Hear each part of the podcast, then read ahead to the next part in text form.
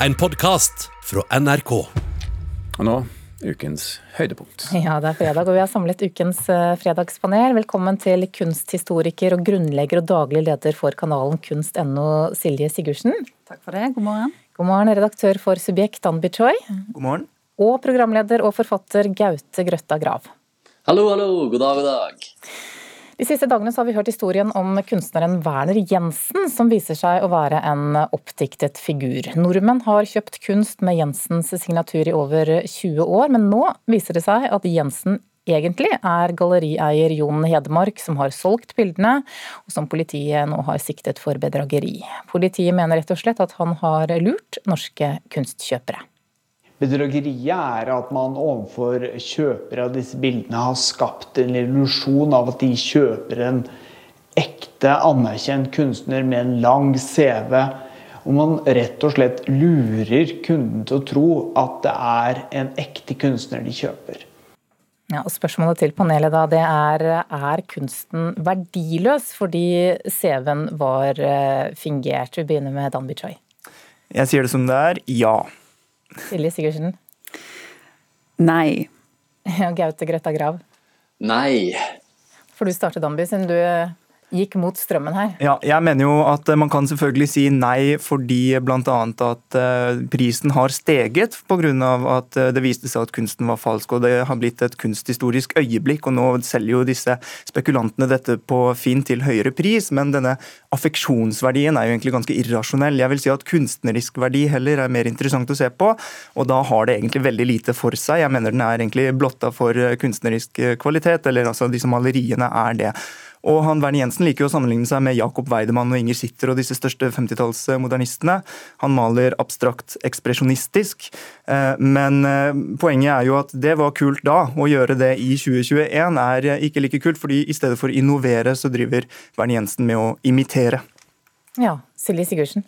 Mange gode poeng her for Dembi Choi. Jeg ser definitivt prisvekstspørsmålet. Og eh, jeg tenker jo, altså vi, Markedet er jo markedet. Man setter jo på en måte sin egen, at man definerer jo på en måte verdi på det man vil definere verdi på. Så det at man i hele tatt har kjøpt verket, betyr jo at verket kan ha verdi for kjøperen. Et lite men der, fordi eh, om det er verdiløst. For nå har jo på en måte galleristen og kjøperen møttes på feil premisser. Eh, og galleristen virker til å ha ført kunden bak lyset. Så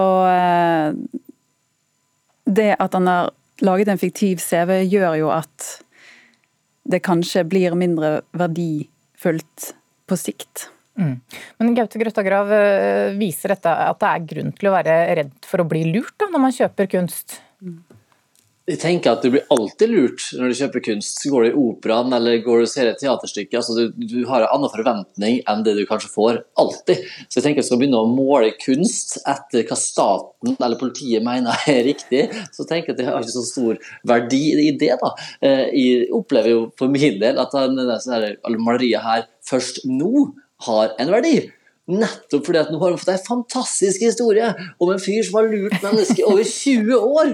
Og nå, hvis vi får det maleriet på veggen min hjemme, så vil jeg jo kunne fortelle historien til alle. Det vil bli favorittmaleriet mitt. Om det en strek, eller om det er et, en eh, kopi av en 50-tallsteknikk. Det spiller ingen rolle. Nå er det plutselig blitt et, et, fantastisk kunstverk som du kan sikkert selge for trippel av prisen om noen år. For det her blir en myte, det blir legenden. Hvilke maleri klarte vi å unngå å, å få konfiskert og eh, makulert. De, de få maleriene der, de vil jeg ha tak i.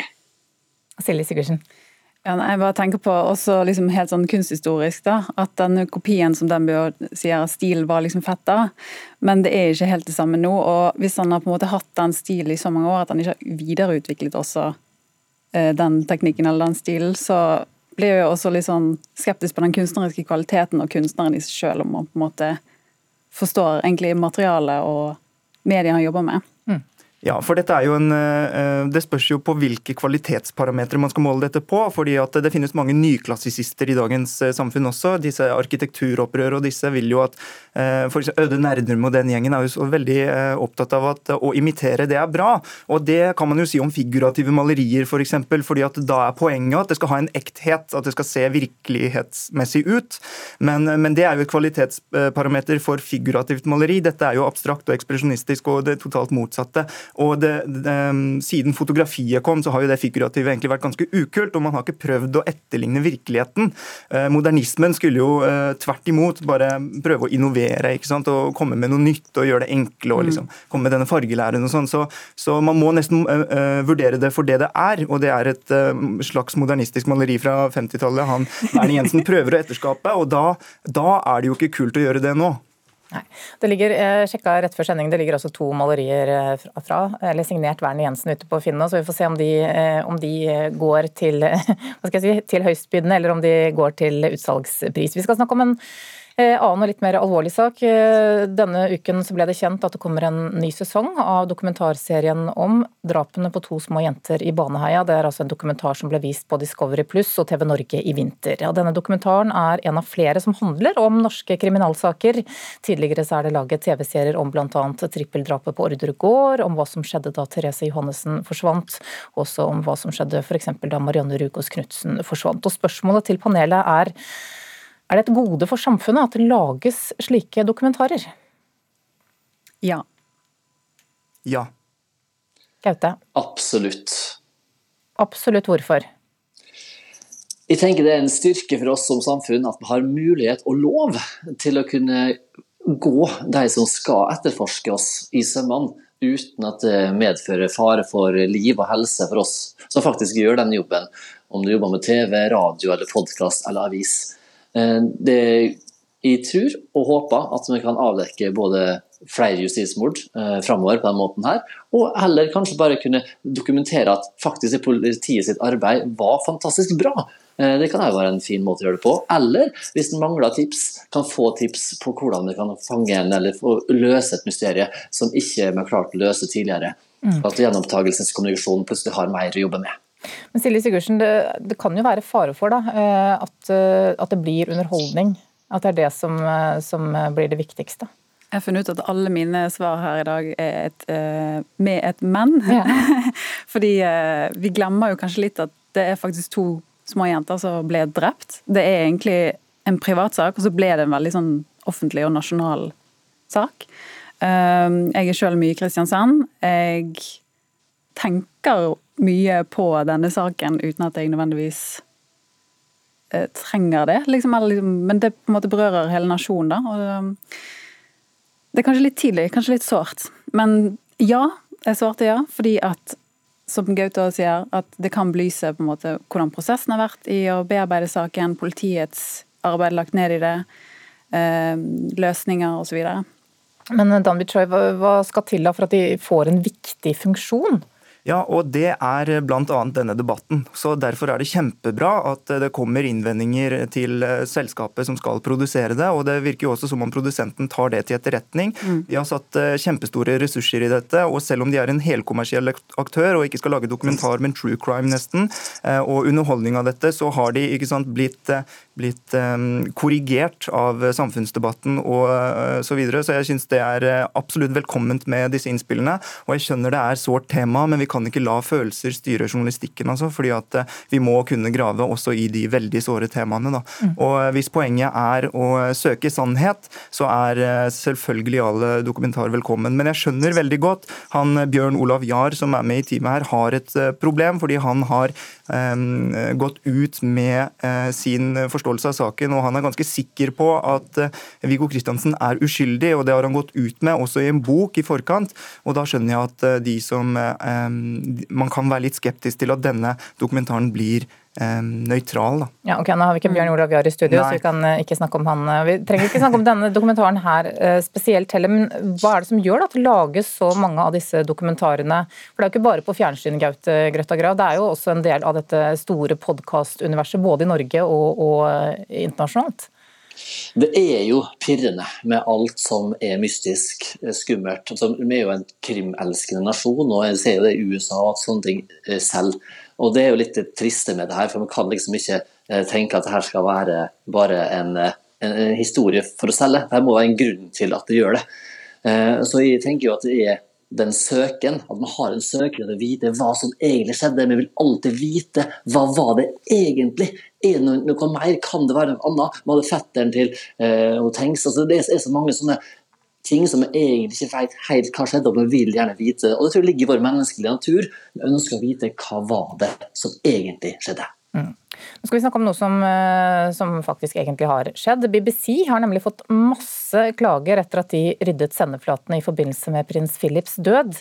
Populære TV-programmer som EastEnders og finalen i Masterchef måtte vike fordi den britiske kringkasteren teppela kanalene sine med sørgemusikk og programmer om prinsen. Og spørsmålet til panelet er er mediene for kjappe til å rydde sendeflatene når det skjer store nyheter, Dan Choi? Nei. Silje Sigurdsen? Nei. Gaute Grøtta Grav? Nei. Ja, dere er så enige. Men jeg svarer, jeg svarer, litt sånn generelt. Jeg syns jo det er kjempebra at eh, mediene hiver seg rundt og endrer sendingene. Altså, det er ikke så veldig viktig at eh, en tidligere innspilt episode av Master, Masterchef vises eh, hvis det skjer store nyheter. Men jeg kan svare ja hvis man putter inn prins Philip i det spørsmålet, og om det ble litt mye.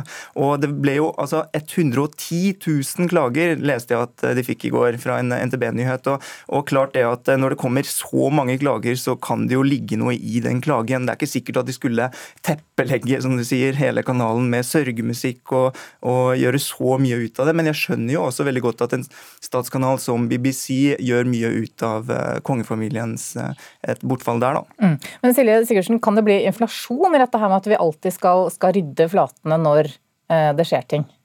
Det er jo veldig mye vi skal få med oss i dag. da. Det er veldig mange overskrifter. Mange, hva er store nyheter?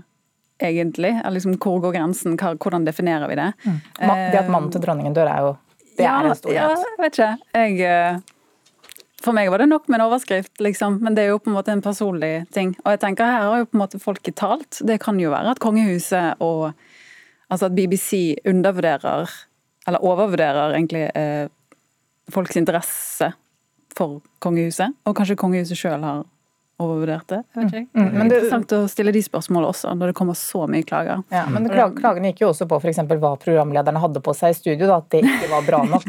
ja. for eksempel, så det var ikke bare det at, ja. at uh, uh, det ble for mye ja, dekning. Nei. Jeg vil også ta et lite forsvar til prins Philip. Nå har jo han levd på en måte litt i skyggen til uh, verdens mest kjente kvinne i hele sitt voksne liv. Og han klarte liksom nesten 100 år, nesten der, og så døde han. Og så skulle liksom ting handle litt om han, da. Eh, og så ble det bare dårlig stemning. Det er jo litt ja. kjipt.